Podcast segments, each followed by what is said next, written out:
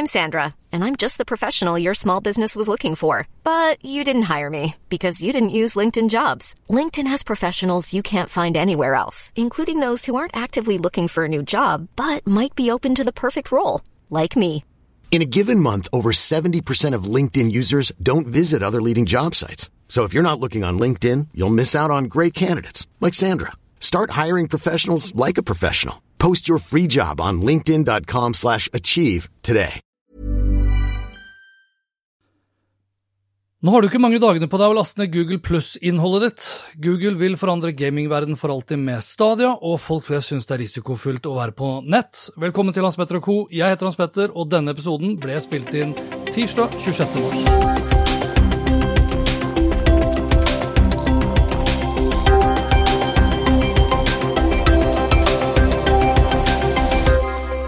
This is IB Times TV, Friday, July 1st. I'm Kate Cameron Lau.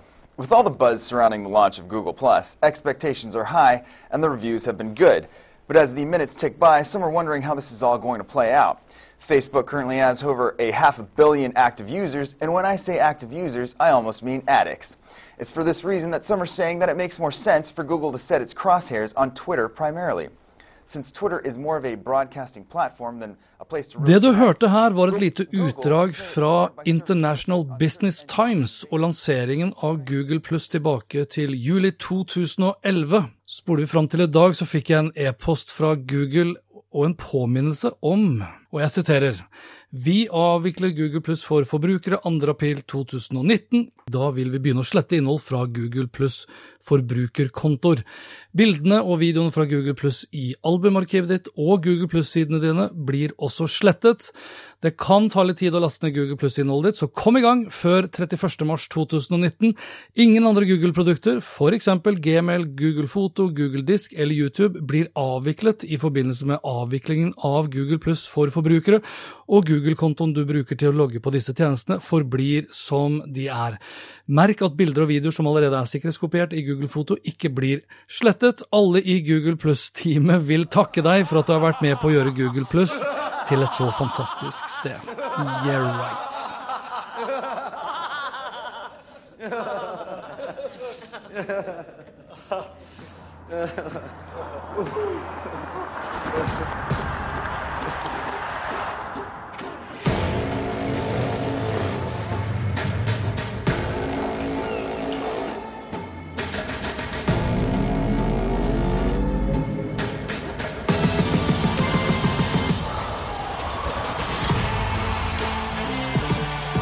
Spillbransjen er en milliardindustri, og den bransjen vil Google nå disrupte med Stadia, som skal bli spillbransjens svar på Spotify hvis Google får det som de vil.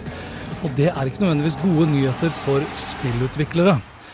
Fremtiden til spillbransjen er ikke en boks, men et sted, beskriver Google Stadia, deres nye da online gamingtjeneste, som ble lansert under årets Game Developer Conference, GDC, for kort tid siden. Stadia, som har gått under prosjektnavnet Stream og Yeti, ble delvis vist frem tidligere år, og vil være en online spilltjeneste som lar oss strømme spill direkte. Direkte via Google Chrome til Chromecast-enheter og Pixel-mobiler, og vil bli lansert i løpet av 2019 i USA, Canada, Storbritannia og Europa. Og bare så det er klart, for plattformkrigen, økosystemkrigen, den går fortsatt sin gang. Google sine spill og sin spilltjeneste, altså Stadia, vil ikke være tilgjengelig på IOS-enheter, selv om du har installert Google Chrome. Så du kan glemme iPhone, iPad, øh, men muligens ikke Macbook, for det er kun IOS-enheter jeg snakker om. Kort fortalt, Google vil med Stadia bli det Spotify har blitt for musikkbransjen, og det Netflix er på mange måter for TV-serier og filmer. Og ifølge Wire så ga Google bort Assassin's Creed Odyssey helt gratis i oktober i fjor, hvis ikke jeg husker helt feil. Du trengte ikke da å spesifisere hvilken enhet du ville spille det på, eller om du foretrakk å spille på PC eller på et spillkonsoll. Formatet spilte ingen rolle, fordi det skulle spilles fra Google sin infrastruktur i skyen.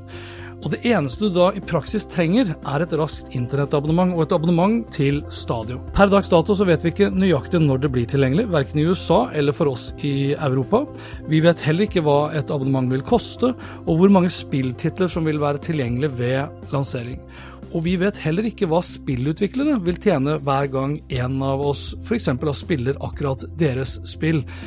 Men det vi vet, det er at Google vil med Stadia det Microsoft vil med Xcloud, det Amazon angivelig holder også på å utvikle, og det Sony til dels satser på med PlayStation Now, at spill ikke lenger vil kjøpes på DVD-plater. At vi ikke engang vil kjøpe et spill for å laste det ned på et spillkonsoll, men at du vil abonnere på en gamingtjeneste for å strømme spillene direkte over internett.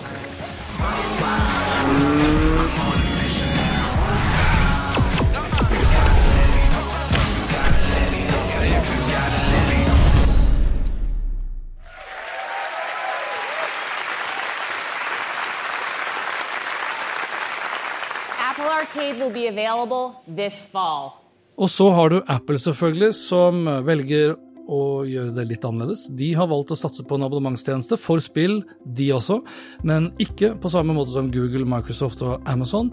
Apple vil ikke gå for en strømmetjeneste, men har valgt å lansere Apple Arcade, som de kaller for verdens første online abonnementstjeneste for iPhone, iPad, Macbook og Apple TV. Så dette er en abonnementstjeneste som er plattformavhengig, med spill som kun er tilgjengelig via Apple Arcade, som du vil kunne abonnere på via AppStore.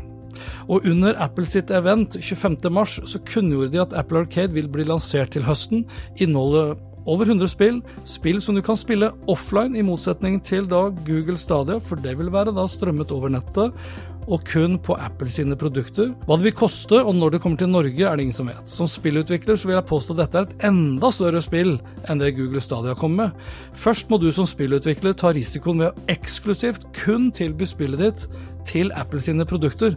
Dernest vil spillet kun være tilgjengelig via Apple Arcade. Med Stadia vil Google gjøre som nevnt det samme for spillbransjen som Netflix har gjort for TV-serier og filmer, som Spotify har gjort for musikk, og som aktører som Storytel f.eks. For forsøker å gjøre for lydbøker, for å nevne noen eksempler. Og den bransjen her kan raskt disruptes ved at hele spillforretningsmodellen endres. Fra det å kjøpe dedikerte maskiner å spille på, til å kunne spille på alt som har en nettleser i praksis. I Strades tilfelle alt som har en Chrome-leser eller Chromecast, med unntak da av IOS-enheter. Google lanserte også en egen spillkontroller til Stadia. En kontroller som har innebygd wifi, altså innebygd trådløst, samt innebygd mulighet til å enkelt strømme alt du spiller til YouTube via en enkel knapp på kontrolleren. I tillegg også en knapp for Google Assistant, Googles da egen stemmeassistent, slik at du kan få hjelp der og da til det aktuelle spillet med din stemme. Det betyr selvfølgelig samtidig at din spillkontroller også da har en innebygd mikrofon som potensielt kan lytte. Og YouTube-integrasjonen stopper ikke der heller med denne delingsknappen på kontrolleren. Når Stadia er lansert, vil du f.eks. kunne starte et spill direkte fra en YouTube-trailer for det aktuelle spillet. Men spillet ditt kan også startes fra andre steder. Via en teknologi som Google har kalt StateShare, kan spillere opprette egne lenker fra hvor som helst i et spill, og invitere andre til å delta i f.eks. et multiplayer-spill, uavhengig av hvilken enhet de måtte spille på. Dette er utvilsomt gode nyheter for alle som elsker å spille, tilsynelatende iallfall. Samtidig er det kanskje dårlige nyheter for de som lever av å selge spillkonsoller, men også de som lever av å lage spill. For på samme måte som det kun er noen få som virkelig tjener store penger på Spotify-musikken sin, så vil det også potensielt bli vanskeligere for mindre spillutviklere å tjene penger dersom de kun, kan vi anta, vil få betalt for hver gang noen spiller deres spill. Du og jeg vil kanskje betale en hundrelapp i måneden for å få tilgang til Stadia. Spillutviklere vil kanskje få noen øre hver gang vi spiller deres spill. For de største spillutviklerne som har liksom global nedslagsfelt, så kan det her bli god butikk. For de mindre, mm, ikke like bra. En rask eh, internettforbindelse vil være avgjørende for å kunne spille via skyen. Selv relativt små tidsforsinkelser vil gjøre det umulig å skape en god spillopplevelse. Derfor vil Stadia være ubrukelig per dags dato via mobilt internett, iallfall i veldig mange land. Og iallfall inntil 5G er på plass.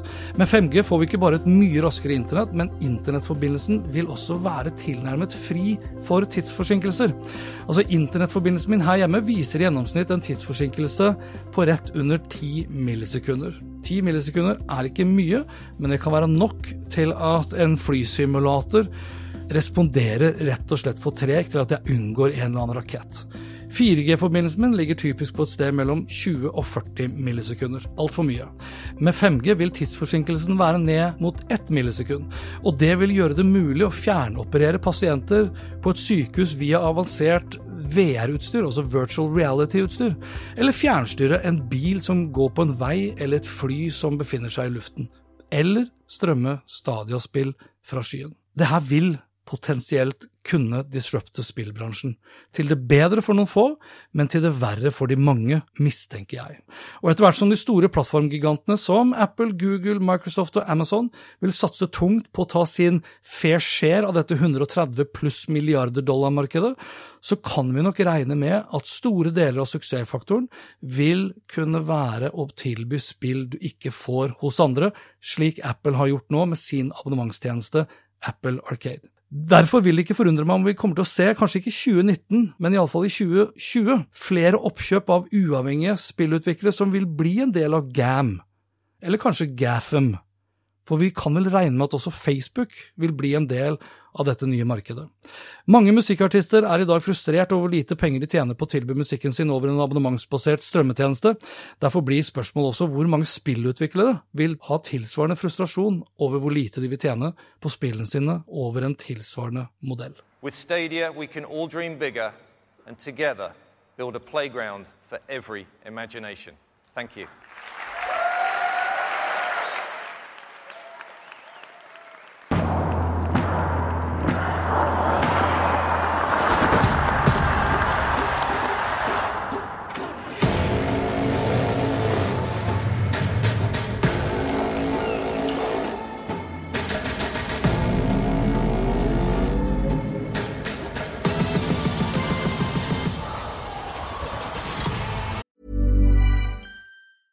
A lot can happen in three years, like a chatbot may be your new best friend. But what won't change? Needing health insurance. United Healthcare Tri Term Medical Plans, underwritten by Golden Rule Insurance Company, offer flexible, budget friendly coverage that lasts nearly three years in some states. Learn more at uh1.com.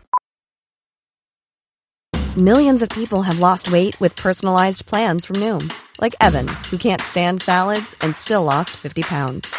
Salads, generally, for most people, are the easy button, right? For me, that wasn't an option. I never really was a salad guy. That's just not who I am. But Noom worked for me. Get your personalized plan today at Noom.com. Real Noom user compensated to provide their story. In four weeks, the typical Noom user can expect to lose one to two pounds per week. Individual results may vary.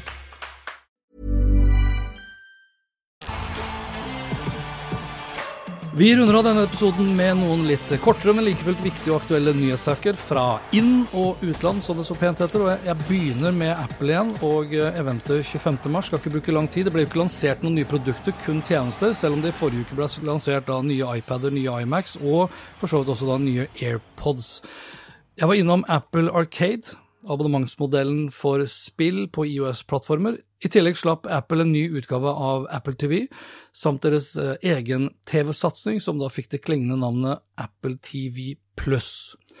Og Apple har også da fått sitt eget kredittkort som er tett integrert opp imot Apple Pay, og som vil gi deg også da kickback, og, eller cashback som de kaller det, i tillegg til at de også da vil sortere veldig tydelig hva det er du bruker penger på, hvor ofte du typisk bruker penger, på hvilke dager etc., etc.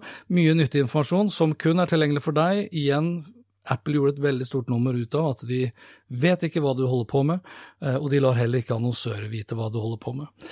Foruten de nevnte tjenestene, så blir også nå magasiner tilgjengelig i Apple News, i det de kaller da Apple News Pluss. Vi får altså da tilgang til en 300 forskjellige magasiner, samt en rekke større aviser som The Wall Street Journal og LA Times. og jeg lot meg ikke imponere like mye over selve grensesnittet som det Apple sjøl gjorde, fordi jeg syns det her minte mest av alt om en slags digital utgave av et klassisk magasin, Slik vi eldre husker et papirmagasin, kan man vel kanskje si. Og Tim Cook gjorde for så vidt også et nummer at han elsket følelsen av det å stå utenfor en aviskiosk. For øvrig da det samme bildet han nå gjør sitt beste ved å ta livet av eh, med Apple News Plus. Apple News Plus-tjenesten kommer til å koste 10 dollar i måneden. Apple tar halvparten. Familiedeling tilbyr de uten ekstra kostnad. Det er bra, så det er et billig abonnement eh, for 300 magasiner pluss aviser. Tjenesten blir umiddelbart tilgjengelig i USA og Canada, kommer til England til høsten. Enn så lenge ingen informasjon om Norge. Hva magasinet hadde kostet, derimot, var de villige til å si. Altså, la oss si du hadde abonnert på samtlige magasiner, hvilket da ingen noensinne ville ha gjort, så ville det her ha kosta 8000 dollar, istedenfor så betaler man da 10 dollar. Men jeg syns det er viktig her å påpeke at forretningsmodellen er jo lik slik den var på iTunes når Apple begynte å tilby singler. Altså de, de fokuserer på longtailen, de fokuserer på den lange halen. For magasinene som da har blitt med, så har de kanskje tenkt at det er bedre å få litt av mye enn å få alt av ingenting. Og det er fullt mulig jeg kommer til å kjøpe meg et abonnement av Apple News Plus. Altså Da vil jeg få 300 magasiner, og jeg vil få tilgang til nye aviser. Og de samme magasinene og avisene vil få litt inntekt fra meg. For i dag så får de ingenting. Og det her er i stor kontrast til det norske markedet. Så også selv innen Skipsted så er det ikke en krone i rabatt å hente på å abonnere på flere av deres aviser. Det er alt eller ingenting. Amedia forsøkte seg for et par år siden på at du kunne abonnere på en avis til fullpris og få tilgang til de øvrige avisene for en liten ekstra sum. Det prosjektet ble lagt ned, rett og slett fordi abonnementsløsningen var analog, og det skalerte fryktelig dårlig. Det jeg kanskje syns var litt pussig her, det er at når Apple gjør et stort nummer ut av at Apple TV f.eks. har kommet på mange andre plattformer, på Samsung TV-er, den skal på Mac-en, den skal på til og med eh, Amazon Fire TV, Roku osv., hvorfor satser de ikke da på Apple News på andre plattformer enn bare Apple? Det hadde jo alle sammen tjent veldig mye mer penger på. Jeg fortsetter litt i strømmesporet, for ifølge Recording Industry Association of America, RIAA, så står nå musikkstrømming for 75% av musikkomsetningen i USA. Fra 2017 til 2018 økte antallet abonnenter med over 40% til 50,2 millioner betalende abonnenter, og omsetningen økte fra 5,7 til 7,4 milliarder dollar, en vekst på 30% Ifølge en studie, en annen studie fra Nielsen, eller Nilsen, så vokste antall sanger amerikanerne hørte på via strømmetjeneste med nesten 50% i 2018, til over 600 100 milliarder. Speaking of YouTube og mobilbruk, så kan Nielsen sin Total Audience Report for tredje kvartal i 2018 melde at YouTube stikker av med nesten 40% av mobiltrafikken i USA, mens Facebook og Snapchat følger etter med sine respektive 9% markedsandel. Ikke så mye Facebook Watch der, altså. Tiden de unge bruker på mobilen i USA vokser kraftig, og på bekostning, ikke overraskende kanskje, av tradisjonell TV-titting. Her er det også verdt å nevne at nå er over halvparten av Netflix sine nye titler egenproduserte, iallfall i USA. For første gang er antallet egenproduserte TV-serier og filmer større enn antallet Netflix kjøper. Vi skal fra USA til England, for nå har BBC valgt å blokkere sine podkaster hos Google. Fra og med 19. mars er altså alle podkastene til BBC blokkert for samtlige av Google sine produkter, fra Google Søk, Google Assistant, Google Home og Google Podcast. Årsaken er visstnok at Google ikke imøtekommer BBC sine Terms of Use og BBCs egen distribusjonspolicy. En talsperson for BBC sa til Podnews at de krever at Google må signere på en lisens for å lenke til deres podkaster, og at BBC har spesifikke krav om hva de får tilbake av data. Men hva er det BBC mener de ikke får av Google? Altså Standard data på en podkast får man av å klikke på en Google-lenke inn mot en podkast. Altså da får du lokasjonen på vedkommende som lytter, hvilken enhet vedkommende bruker, og du får også da antall nedlastninger. Det, det, det er det man får. Altså, Er det alt annet man ikke får? Altså alt annet man kanskje da får gjennom Google Analytics som BBC mener de skal få? Er det her virkelig en blokkering basert på misnøye mot Google? Eller kan det tenkes at det her er en blokkering som egentlig handler om en annen start, altså en start mot det å samle all lytting og all data innenfor BBC sitt eget økosystem, for å få mer kontroll. Mer kontroll over lyttingen, over brukerne, kanskje over annonsørene, og sånn sett også da mer kontroll over inntektene. Sist ut her, og vi runder av med en katastrofe, for det er Helge Skrivevik på mymayday.com som sier det må en katastrofe til, og han sikter da til cyberangrepet mot Hydro. For som kjent for alle, tror jeg, så ble Hydro angrepet av et løsepengevirus siste uke, kalt Locker Goga. Som i så mange andre tilfeller endrer vi oss sjelden før vi må, altså før vi står midt oppi en krise. Og da reagerer vi. I forkant så reagerer vi kanskje med å tenke at vi må forberede oss muligens for en krise. For forsikringsselskapet If de opplevde nå nesten 1000% vekst på sidene sine om cyberforsikring etter Hydro-angrepet. Og Gjensidige melder også til E24 om økt interesse. If sier til E24 at de ser en lignende trend hver gang dataangrep får bred medieomtale, men interessen dabber ofte av når mediene mister interessen. Kommunikasjonssjef Bjarne Rystad i Gjensidig uttalte til E24 at dette har vi inntrykk av at det er lite bevissthet rundt, og mange små bedrifter tenker at det ikke rammer dem. Og det er feil. Samtidig melder Nettavisen 20.3 at åtte av ti nordmenn frykter at antallet cyberangrep mot norske bedrifter og offentlige virksomheter de neste årene vil øke. Det kommer fram i en undersøkelse fra Infact, og der tror jeg nok de har rett. Det skulle overraske meg om ikke vi kommer til å se en eksplosiv vekst av cyberangrep mot norske bedrifter, offentlige virksomheter og nordmenn. Administrerende direktør i mobil- og IT-kjeden Mobit, Trond Wold, sier til Nettavisen at vi anbefaler først å heve bevisstheten blant de ansatte, og å lage retningslinjer for mobilbruk i bedriften. Dernest bør bedriftene søke programvareløsninger som kan øke sikkerheten. Mange bruker mye penger på IT og brannmører, men mange glemmer at mobilen også utgjør en stor risiko.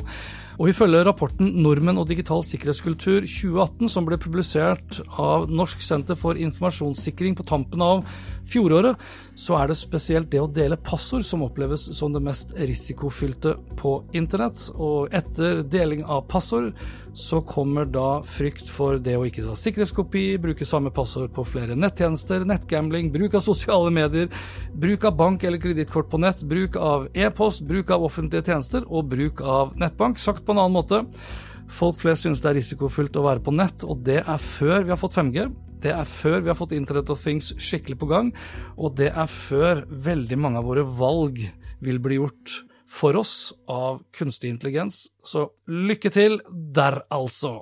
Og dette var det for denne gang. Og liker du det du hørte og vil forsikre deg om at du får med deg de neste episodene, vel, da kan du bl.a. abonnere på Hans Petter og Co. på Apple Podcaster. Ellers er podkasten også tilgjengelig på Spotify, Google Podcast, Overcast og TuneIn Radio, for å nevne noen. Inntil neste gang, vær nysgjerrig, for det er den beste måten å møte vår digitale fremtid på. David Lightman was a master at computer. A fast thinker. Oh, David! Maybe you could tell us who first suggested the idea of reproduction without sex. Your wife? Get out, Lightman. And a promising student Hi. at an old game Hi. with an electronic twist. Are those your grades? Yeah. I don't think that I deserved an F. Do you? You can go to jail for that. Only if you're over 18. This computer company is coming out with these amazing new games in a couple of months. And I want to play those games. Wow. What? We got something. He found the right code word to play the game, We're in. but it was the wrong computer. Shall we play a game? How could I ask you that? How about mobile thermonuclear war? Fine. All right.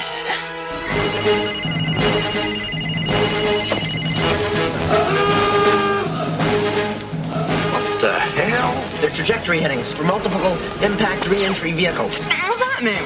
I don't know, but it's great. All stations, this is Crystal Palace. Wonder if I should use my subs. 22 Typhoon class submarines departing Petropavlovsk. What in the hell's happening here? Oh my god. Shall we play? I have seven, correction, eight. That's eight Redbirds. Get on the sack. Tell them to flush the bombers. Russians are still denying everything, sir. Who are you working with? Nobody. Why don't I believe you? Overday, we have Soviet missile warning. Based on under arrest pending indictment for espionage. Espionage? Confidence is high. I repeat, confidence is high. Cobra Dane, is this an exercise? Negative, this is not an exercise. Made the president on the horn. It's still playing the game. It's gonna start a war. Close up the mouth. Is this a game or is it real? War games. Playing soon at a theater near you. Shall we play?